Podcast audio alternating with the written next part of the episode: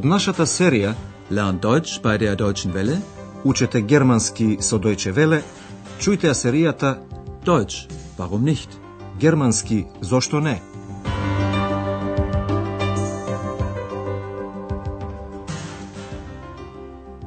Liebe Hörerinnen und Hörer. Драги слушателки и слушатели, денес ќе ја слушнете последната 26-та емисија од радиокурсот. Во минатата емисија научивте нешто со синиот свет. Тој, како символ за потрагата по самиот себе, играл важна улога во романот на Новалис, кој е поет од времето на романтизмот. Главната личност во романот Хайнрих го бара синиот свет, односно себе си. Слушнете го овој дел уште еднаш и внимавајте на инфинитивната реченица со цу. Heinrich träumt von der blauen Blume. Und seit diesem Traum beginnt er, die blaue Blume zu suchen. Доктор Тюјаман е убеден дека пример за синиот цвет на Новалис било растението железната капа, Eisenhut, што го знае и Екс. Слушнете го тој дел уште еднаш. Denken Sie an den Namen von einer Blume. Eisenhut. Genau. Eisenhut. Eine blaue Blume, eine Blume mit blauen Blüten. Woher kennst du sie, Ex? Но Екс не сака да одговори. Во денешната емисија Екс, Андреас, господја Беага и доктор Чујаман ќе се сретнат кај доктор Чујаман во Лајпциг. Господја Беага одлучи да отвори хотел во Лајпциг, но доктор Чујаман е преокупиран со неговите истражувања, така што воопшто не стана збор за хотелот. Денешната лекција го носи насловот Волшебен збор, ein Zauberwort. И во неа ќе стане збор за X и идејата на доктор Чујаман поврзана со X. По музиката ќе слушнете нешто повеќе за тоа.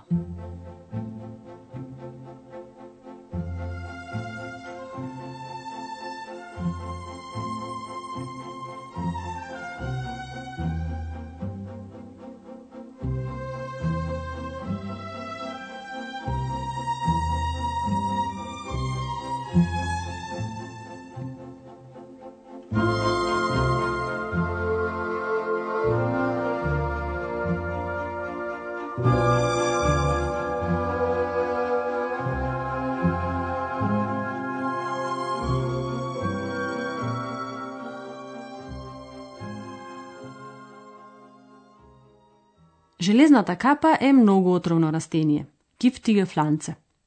Доктор Тујаман, како хомеопат, знае дека отровот на едно растение може да биде и лековито.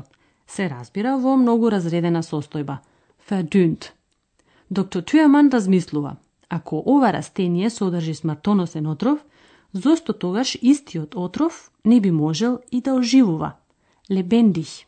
Или Слушнете ги размислувањата на доктор Тюеман и реакцијата на Андреас и Екс. Wissen Sie, dass der Eisenhut eine sehr giftige Pflanze ist? Aus dem Eisenhut kann man ein tödliches Gift herstellen. Und wenn man das Gift verdünnt, kann es vielleicht auch jemanden lebendig machen. Dann kann es vielleicht auch jemanden sichtbar machen. Er will mich sichtbar machen. Das habe ich doch schon immer gewusst. Aber ich will nicht. Nein, niemals. Es ist doch keine Krankheit, unsichtbar zu sein. Schon gut, Ex. Wir machen doch keine Experimente. Nein, auf keinen Fall. Keine Experimente mit meiner Ex. Ете слушнавте, Андреас и Екс со негодување реагираа на идеите на доктор Тюјаман.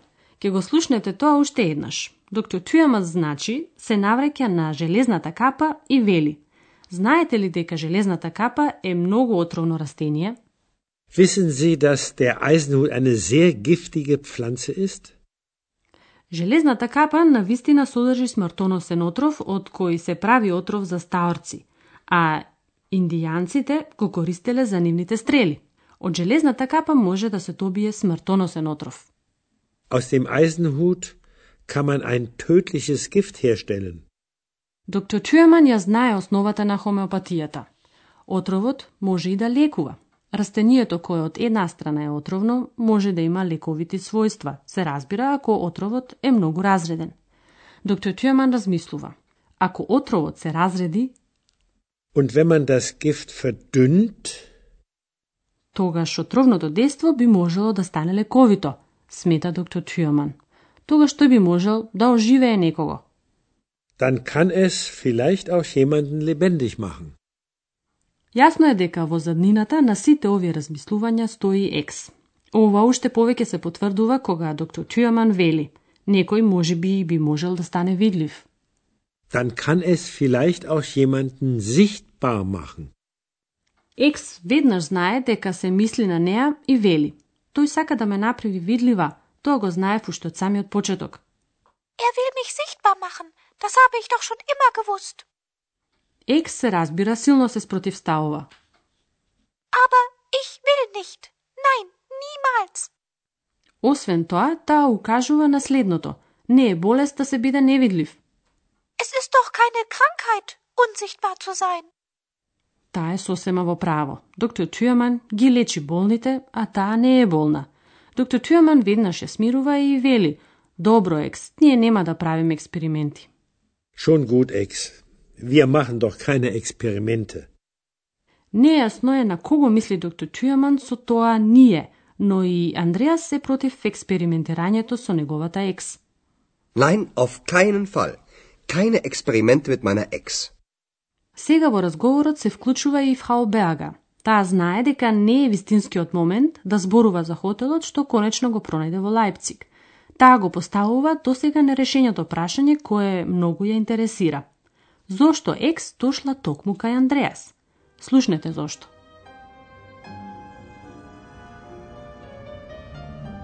Ex? Mich interessiert, warum du zu Andreas gekommen bist. Weil er das Zauberwort gesagt hat. Wie bitte?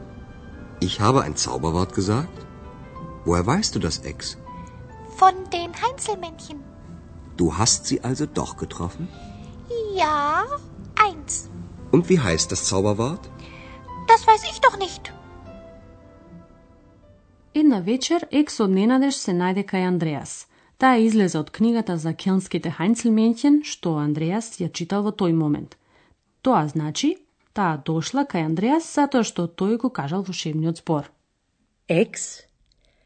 Mich interessiert, warum du zu Andreas gekommen bist. Weil er das Zauberwort gesagt hat. И Андреас прв пат слуша дека причината што Екс се наоѓа кај него е волшебниот збор што го изговорил. Wie bitte? Ich habe ein Zauberwort gesagt? Woher weißt du das, Ex? Екс тоа го дознала за време на незината посета кај Хајнцелменќен. Von den Heinzelmännchen. Еднаш кога исчезна, таа му рече на Андреас дека ги барала Хајнцелменќен. Но не му кажа дека ги нашла. Зато Андреас зачудено прашува. Ти, значи, сепак ги сретна. Du hast sie also doch getroffen? Екс признава дека сретнала едно Хајнцелменќен, а Андреас се прашува зошто досега не му го кажала тоа. Тој само прашува како гласи волшебниот збор.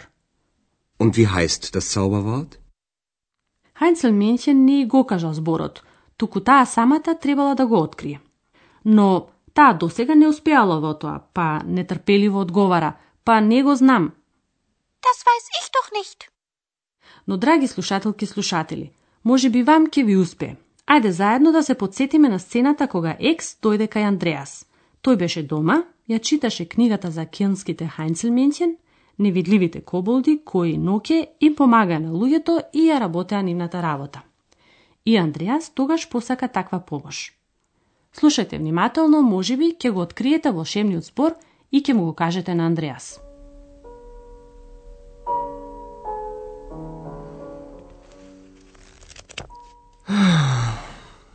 Ich möchte auch. Naja, das ist sowieso vorbei. Hallo? Hallo? Da bin ich. Wer bist du? Ich bin. Äh, Wer bist du? ich bin ich. Дали го откривте зборот? Ако го откривте, можете да проверите дали тоа е точниот збор, а ако не е, обидете се уште еднаш. Во следната сцена ќе го слушнете уште еднаш. Тоа е сцената кога Екс беше исчезната и одеднаш му се врати на Андреас. Ach, Ex. Hm. Da habe ich nun das Buch von den Heinzelmännchen, aber du, hm, du bist weg. Schade. Das macht mich traurig.